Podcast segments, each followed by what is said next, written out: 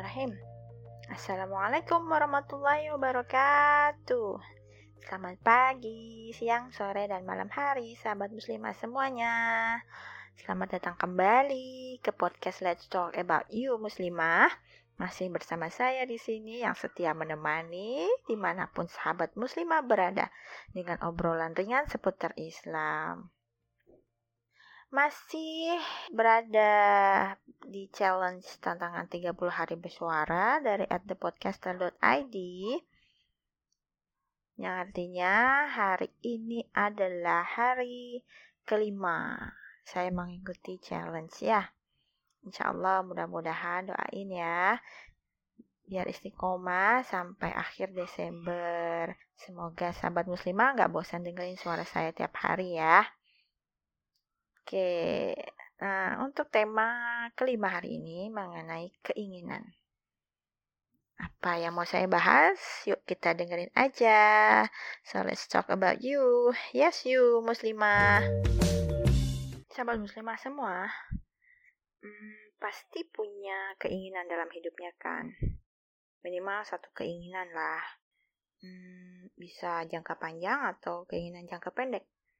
Nah, menurut KBBI, keinginan itu adalah barang apa yang diinginkan atau hasrat atau kehendak atau harapan. Dalam Islam, keinginan, harapan, kehendak, dan hasrat biasanya itu kita minta pada Allah Subhanahu wa taala ya dalam bentuk doa. Doa adalah bentuk komunikasi antara hamba selaku makhluk lemah tidak berdaya kepada Allah Subhanahu wa taala yang Maha Pengasih dan Maha Kuasa. Doa merupakan bagian dari ibadah. Um, sebagaimana tercantum dalam surat Al-Baqarah ya ayat 186 yang artinya dan apabila hamba-hambaku bertanya kepadamu tentang aku, maka jawaban bahwasanya aku adalah dekat. Aku mengabulkan permohonan orang yang berdoa bila dia memohon kepadaku maka hendaklah mereka itu memenuhi segala perintahku, dan hendaklah mereka beriman kepadaku agar mereka selalu berada dalam kebenaran. Selain itu, mm, berdoa dapat mendekatkan diri kita kepada Allah ya, atau biasanya disebut dengan takorup kepada Allah. Minta apa aja yang kita inginkan kepada Allah. Karena semua permasalahan dan semua keinginan kita hanya Allah yang bisa nampung. Allah bahkan lebih tahu apa yang kita inginkan sebelum kita sendiri tuh bilang melalui doa karena Allah yang maha mengetahui. Gak ada tempat meminta yang lebih baik selain kepada Allah. Melalui doa juga Allah kasih bantuan dan pertolongan kepada kita hambanya yang sedang kesusahan. Berdoa kepada Allah, insya Allah hidup kita akan dimudahkan, insya Allah. Nah, agar doa kita dikabulin sama Allah ya, ada beberapa syarat yang harus dipenuhi dulu. Yang pertama, ikhlas kepada Allah. Nah, atau memurnikan niat dalam berdoa untuk menghadap Allah dengan hati kusyuk, jujur dalam bersandar kepadanya, yakin kalau Allah berkuasa untuk ngabulin doa kita. Dan kita harus benar-benar berharap banget doa kita tuh dikabulin oleh Allah. Syarat yang kedua, ketika berdoa harus merasa berada dalam keadaan mendesak untuk dikabulkannya doa tersebut. Bahkan dalam kondisi paling darurat, dan Allah satu-satunya yang mampu ngabulin doa orang-orang yang dalam keadaan terdesak atau kesulitan. Bisa jadi um, kalau kita masa terzolimi gitu, itu kan menurut kita terdesak juga ya. Ketika berdoa kepada Allah dan yang menghilangkan kesusahan. Ada orang-orang yang berdoa kepada Allah, tapi dia merasa gak ngebutuin Allah dan gak merasa dalam kondisi mendesak. Misalnya, dia berdoa cuman karena kebiasaan semata atau untuk coba-coba siapa tahu dikabulin gitu. Nah, kalau yang ini doanya nggak layak buat dikabulin. Syarat ketiga, menjauhi makanan haram. Karena sesungguhnya makanan haram itu penghalang antara doa seorang hamba dengan pengabulan doa. Sahabat muslimah pasti tahu nih hadis yang valid nih dari Nabi Muhammad SAW. Di mana beliau bersabda, sesungguhnya Allah itu baik dan tidaklah menerima kecuali yang baik. Sesungguhnya Allah memerintahkan orang-orang mukmin sebagaimana perintah kepada Rasul. Allah Ta'ala berfirman yang artinya, Hai orang-orang beriman, makanlah di antara rizki yang baik-baik yang kami berikan kepadamu. Dan bersyukurlah kepada Allah, jika benar-benar kepadanya lah kamu menyembah. Dalam Quran Surat Al-Baqarah ayat 172. Allah Ta'ala juga berfirman yang artinya, Wahai para Rasul, makanlah yang baik-baik dan beramal solehlah kalian. Dalam Quran Surat Al-Mu'minun ayat 51. Oke, setelah tahu syarat terkabulnya doa, sekarang kita bahas tentang adab dalam berdoa. Jangan salah, berdoa juga harus ada adabnya. Ada beberapa petunjuk tentang berdoa, tata cara berdoa gitu ya, dari sekian banyak ayat dan hadis. Nah, di antaranya adalah yang pertama, mengangkat kedua tangan ke atas, yaitu menuju Allah Ta'ala. Karena Allah Ta'ala tuh berada di atas, istiwa di atas arashinya. Mengangkat kedua tangan ke atas juga termasuk sebab pengabulan doa. Sebagaimana terdapat dalam hadis, sesungguhnya Allah Ta'ala itu maha pemalu dan maha pemurah. Allah Ta'ala malu kepada hambanya yang mengangkat kedua tangan kepadanya. Namun kembali dalam keadaan kosong, yaitu tidak dikabulkan. Masya Allah. Hadis riwayat Tirmizi, Abu Dawud, dan Ibnu Majah. Adab yang kedua, doa dimulai dengan berdoa kepada Allah dengan menyebut nama Allah, Ar-Rabb, Ya Rob, Ya Rob gitu. Tawasul kepada Allah dengan menyebut nama Allah Ta'ala merupakan sebab pengkabulan doa juga. Karena Rob merupakan pencipta, raja yang mengatur seluruh urusan, dan pengaturan langit dan bumi berada di tangan Allah. Yang ketiga, mengucapkan Alhamdulillah, memuji Allah atas segala nikmat yang telah dianugerahkannya selama ini. Cap syukur dulu, sebagai pengakuan tentang kasih sayangnya. Sehingga kalaupun yang kita minta enggak atau belum dipenuhi, belum dikabulin, itu enggak bakalan bikin kita kesal atau berasa enggak adil. Nah, yang keempat, mengucapkan sholawat dalam arti permohonan kepada Allah agar Nabi Muhammad SAW dilimpahi olehnya rahmat dan kasih sayang. Mengucapkan salawat ini dinilai sebagai kunci pembuka. Karena Nabi Muhammad SAW adalah kekasih Allah dan melalui beliau kita umatnya memperoleh petunjuk. Salawat ini juga membuktikan rasa terima kasih kita kepada beliau. Maka dengan mengucapkan salawat kita mengharapkan akan memperoleh pula percikan kasih sayang Allah. Setelah mengucap salawat, barulah ajuin permohonan ajuin doa kita. Jangan lupa juga bermohon untuk orang lain. Seperti anjuran dalam sebuah riwayat hadis ya.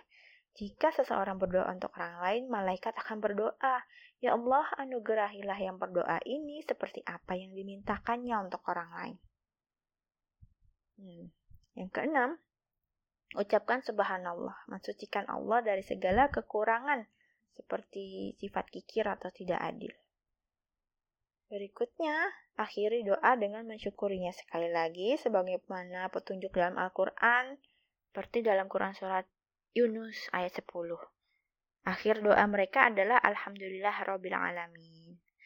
Eh, ini maknanya adalah bahwa si pemohon doa kita ya penuh dengan optimisme bahwa doanya itu nggak akan disia-siain sama Allah. Nah, adab-adab berdoa tadi harus dilakuin dengan khusyuk dan rendah hati. Nah, kira-kira kapan waktu yang baik dan tepat untuk berdoa? Ada beberapa. Yang pertama di sepertiga malam terakhir setelah qiyamul lail tuh. Lagi malam sunyi sepi, nggak ada lagi orang yang bangun. Itu paling dahsyat deh. Buat curhat ke Allah, buat doa ke Allah itu paling dahsyat. Berikutnya eh, ketika sujud waktu sholat fardu lima waktu. Kemudian setelah selesai sholat wajib lima waktu berdoa setelahnya. di hari Jumat, kemudian di antara azan dan iqomah, terus juga uh, waktu buka puasa, hmm. terus waktu bangun tidur, tapi dengan syarat sebelum tidur harus wudhu dan zikir dulu kepada Allah.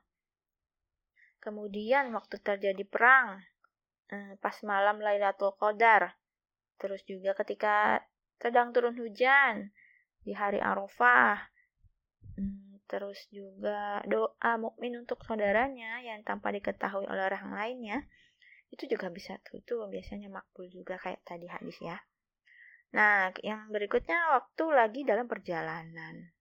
Safar ini termasuk sebab pengabulan doa. Karena ketika melakukan perjalanan tuh merasa sangat butuh Allah merasa sangat butuhnya seorang hamba kepada Allah ketika safar itu lebih besar daripada ketika sedang dalam kondisi nggak safar. Apalagi di zaman dahulu ya. Nabi Shallallahu bersabda bahwa sesungguhnya Allah Ta'ala tuh turun ke langit dunia pada sore hari ketika hari Arafah, membanggakan orang-orang yang wukuf di Arafah di depan malaikat. Allah juga berkata, mereka mendatangiku dalam keadaan kusut, berdebu, berjalan dari semua tempat yang jauh. Nah, Masya Allah gitu. Jangan lupa ikhlas ya, karena kunci utama dalam setiap ibadah termasuk ketika berdoa. Nah, sahabat muslimah, jangan terlalu khawatir ya, karena Allah pasti akan ngabulin doa hambanya. Tapi dalam tiga cara. Yang pertama, yang pertama, doa kita dikabulin tuh saat itu juga. Nah, kondisi ini tuh pasti kita berharap banget kan. Kita doa, eh tentu langsung terkabul. Cara yang kedua, doa kita akan ditunda oleh Allah. Tapi jangan cemas kalau doa kita masih belum dikabulin, karena bukan berarti Allah nggak nggak akan ngabulin doa kita. Allah cuma nunda untuk kemudian dikabulkan pada waktu yang tepat, yaitu waktu yang terbaik untuk kita dan terbaik menurut Allah. Setiap doa ya memang berbeda-beda, ada yang segera dikabulkan, ada juga yang lambat. Ada yang dikabulkan di dunia, ada juga yang Allah janjiin nanti pas di akhirat. Allah lah yang maha mengetahui atas apa-apa yang hambanya nggak ketahui. Karena itu, jangan merasa putus asa, apalagi kecewa. Terus berdoa kepada Allah, karena cuman kepada Allah kita bisa minta pertolongan. Gak ada yang lain. Penyebab doa kita tertunda juga bisa karena Allah tuh pengen lihat kesungguhan kita dalam berdoa dan berusaha untuk mencapai apa yang kita inginkan. Jangan berburuk sangka dulu sama Allah jika sesuatu terjadi di luar ekspektasi kita. Kita boleh kecewa, boleh marah, tapi ingat, segala sesuatu pasti ada hikmah yang terselip di dalamnya. Nanti di saat itulah kita akan menyadari kebesaran dan kasih sayang Allah Subhanahu wa taala. Bisa jadi itu cara Allah untuk menyelamatin kita dari sesuatu yang gak kita ketahui. Bersabar, berbaik sangka, dan tetap semangat berikhtiar adalah jalan keluarnya. Nah, cara yang ketiga, Allah gak akan ngabulin doa kita sama sekali. Tapi akan diganti dengan hal yang jauh lebih baik. Ingat gak kisah Ummu Salamah di episode podcast saya sebelumnya? Nah, Allah lebih tahu apa yang baik dan apa yang gak baik untuk kita. Mungkin aja kita gak sadar ya, kalau yang kita minta waktu berdoa itu sesuatu yang uh, kurang baik buat kita. Nah, Allah tahu nih. Jadi Allah akan nyiapin pengganti doa kita dengan sesuatu yang lebih baik lagi. Insya Allah kan. Cara yang ketiga ini, sebagai manusia pastilah kita bakal merasa kecewa karena nggak dikabulin doa kita kan. Yang harus kita pahamin adalah apa yang dianggap baik oleh kita manusia belum tentu baik di mata Allah. Nah, oleh karena itu, jika suatu saat kita merasa bahwa doa kita kok belum dikabul-kabulin juga, coba bersabar, jalani semuanya dengan ikhlas. Sebab seperti tadi, pasti di balik itu semua ada hikmah yang bisa kita ambil, pasti. Ada hal yang pada akhirnya membuat kita akan merasa bersyukur dan tersadar bahwa itulah yang terbaik buat kita. Nah, terus kita jadi bertanya kan, apa sebab Allah nggak ngabulin doa kita? Padahal pada dasarnya semua doa pasti dikabulin oleh Allah kan tadi. Tapi kapan dan di mana kita nggak akan pernah tahu kecuali Allah. Seringkali muncul perasaan gelisah, bahkan sedih karena yang didoain belum juga jadi nyata. Ada beberapa penyebab nih doa kita nggak dikabulin oleh Allah. Yang pertama, berbuat dosa dan banyak melakukan hal-hal yang haram atau masih memelihara kemaksiatan. Nah, salah satu penyebab doa kita nggak dikabulin Allah adalah diri kita yang penuh dosa. Walaupun yang namanya manusia memang gak akan pernah luput dari yang namanya salah dan kesalahannya, tapi Allah tuh selalu buka pintu maafnya karena Allah maha pemurah lagi maha penyayang. Allah udah sebegitu baiknya, tapi manusia lebih sering lalai dan gak segera bertaubat. Begitu juga dengan sesuatu yang dihasilkan dari perbuatan dosa, seperti dosa besar ataupun dosa kecil sesuatu yang haram, baik itu pakaian, makanan, minuman, semuanya akan jadi penghalang terkabulnya doa. Nabi Shallallahu Alaihi Wasallam menceritakan tentang seorang laki-laki yang telah lama berjalan karena jauhnya jarak yang ditempuh, sehingga rambutnya kusut, masai, dan berdebu. Kemudian orang itu mengangkat kedua tangannya ke langit sambil berdoa, "Wahai Tuhanku, wahai Tuhanku." Padahal makanannya dari barang yang haram, minumannya dari yang haram, pakaiannya dari yang haram, dan diberi makan dengan makanan yang haram, maka bagaimanakah Allah akan mengabulkan doanya? Hadis riwayat Muslim. Oleh karena itu, kalau kita pengen doa kita dikabulin sama Allah, hendaknya kita bersihin diri terlebih dahulu dari harta-harta yang haram dan syubhat. Nah, untuk orang-orang yang merasa bangga memelihara perbuatan maksiat tapi tetap aja kaya raya, hidupnya berlimpah dan segala keinginannya terkabul, merasa jumawa sampai sepelein sholat dan neraka. Hati-hati. Kemungkinan lagi ngalamin yang namanya istidraj. Istidraj adalah kondisi ketika merasa semua yang dia inginkan dikabulin sama Allah sampai ngerasa kalau yang dia dapat, yang dia punya itu berkat usahanya sendiri, bukan karena Allah gitu. Padahal itu semua cuman tipuan belaka dan hal itu adalah azab berwujud kenikmatan semata di dunia. Nauzubillah min zalik. Yang kedua, penyebab doa nggak dikabulin adalah berdoa untuk sesuatu yang nggak baik. Misal, doain saudara atau teman kita dilanda musibah. Doa yang kayak gitu biasanya disebabin oleh penyakit hati dari diri kita sendiri, yaitu iri dan dengki. Nggak akan dikabulin oleh Allah doa seorang hamba yang isinya adalah sesuatu yang berupa dosa atau untuk memutus tali silaturahim. Dari Abu Hurairah, dari Rasulullah SAW bersabda, Doa seseorang senantiasa akan dikabulin selama dia nggak berdoa untuk perbuatan dosa ataupun untuk memutuskan tali silaturahim dan tidak tergesa-gesa. Seorang sahabat bertanya, "Ya Rasulullah, apakah yang dimaksud dengan tergesa-gesa?" Rasulullah menjawab, "Yang dimaksud dengan tergesa-gesa adalah bila orang yang berdoa itu mengatakan, 'Aku telah berdoa dan terus berdoa, tapi belum juga dikabulkan.' Setelah itu ia merasa putus asa dan gak pernah berdoa lagi. Hadis riwayat Muslim. Penyebab ketiga dari gak dikabulinya doa adalah hati yang kosong dan gak serius. Dari Abu Hurairah Rasulullah SAW bersabda, berdoalah kepada Allah dalam keadaan yakin akan dikabulkan. Dan ketahuilah bahwa Allah tidak mengabulkan doa dari hati yang lalai. Hadis riwayat Tirmizi. Berdoa dengan hati yang kosong sama artinya kita nggak fokus terhadap apa yang kita ucapin kepada Allah. Gak ada bedanya dengan ketika kita bicara pada sesama manusia, tapi kita nggak mau ngelihat matanya, itu sama. Apa yang kita ucapin jadi berasa, jadi terasa bohong dan gak ada artinya. Basa basi lah gitu. Akhirnya kita jadi nggak sungguh-sungguh terhadap apa yang kita doakan.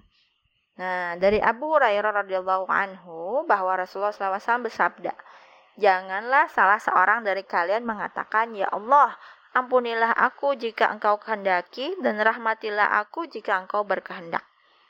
Akan tetapi hendaknya dia bersungguh-sungguh dalam meminta karena Allah sama sekali tidak ada yang memaksa. Hadis riwayat Bukhari. Nah, yang keempat dari penyebab doa kita nggak dikabulin adalah meninggalkan amar ma'ruf nahi mungkar. Saat kita melalaikan uh, segala perbuatan baik yang sesuai dengan syariat, niscaya gak akan dikabulkan doa kita. Karena apa-apa yang kita lakuin hanya dosa dari Huzaifah bin Al-Yaman dari Rasulullah Shallallahu Alaihi Wasallam bersabda, yang artinya demi zat yang jiwaku berada di tangannya, hendaknya kalian beramar ma'ruf dan nahi mungkar. Atau jika tidak, niscaya Allah akan mengirimkan siksanya dari sisinya kepada kalian. Kemudian kalian memohon kepadanya, namun doa kalian tidak lagi dikabulkan. Hadis riwayat At-Tirmizi. Subhanallah ya.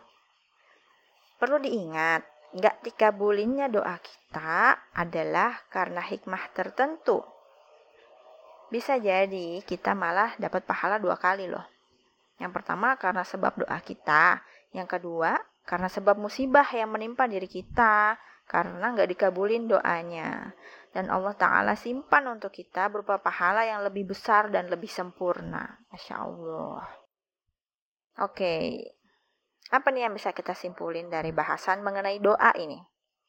Yang pertama, jangan pernah sepelein berdoa kepada Allah. Karena doa memiliki potensi besar untuk merubah segalanya ya. Doa juga merupakan senjata bagi orang mukmin karena doa dapat mengubah sesuatu yang baik menjadi lebih baik. Apalagi mengubah yang buruk menjadi baik gitu. Dengan berdoa, kita jadi sadar kalau kita tuh sangat bergantung kepada Allah dan selalu butuh Allah. Kedua, berdoa juga adalah sebuah upaya untuk menunjukkan jati diri kita di hadapan Allah. Cermin seorang mukmin sejati adalah meyakini bahwa gak ada yang dapat memberikan pertolongan kepada kita manusia selain Allah. Allah pasti akan ngabulin doa dan meninggikan derajat kita di hadapan Allah. Seorang hamba yang memiliki sekian banyak dosa pun akan terhapus dengan doa yang dipanjatkan. Kita harus percaya kepada Allah, bukan cuma dalam arti mengakui keesaan Allah ya, tapi juga yakin Dia akan memilih yang terbaik untuk kita, si pemohon doa. Percaya Allah gak akan menyia-nyiakan doa kita. Mungkin aja terkabulnya doa itu berupa rahmat dari Allah kelak di akhirat. Atau Allah memberikan suatu anugerah lain di luar keinginan si pendoa, si pemohon doa yaitu kita. Dan justru pemberian Allah itulah yang benar-benar dibutuhkan oleh kita. Jadi, sahabat muslimah, sudah seberapa seringkah kita berdoa kepada Allah? Sebelum berakhir, saya akan tutup dengan firman Allah dalam surat Al-Mu'min ayat 60 yang artinya dan Tuhanmu berfirman, berdoalah kepadaku, niscaya akan kuperkenankan bagimu. Sesungguhnya orang-orang yang menyombongkan diri dari menyembahku akan masuk neraka jahanam dalam keadaan hina dina. Wallahu a'lam bishawab. Alhamdulillah. Terima kasih ya udah dengerin podcast saya hari ini. Semoga bermanfaat dan menjadi pengingat untuk kita semuanya ya. Hmm, untuk besok temanya adalah perjumpaan asik. Apakah yang akan saya bahas? Pantengin podcast saya besok ya. Ah, kesalahan pasti datangnya dari saya pribadi. Saya mohon maaf lahir batin ya. Assalamualaikum warahmatullahi wabarakatuh.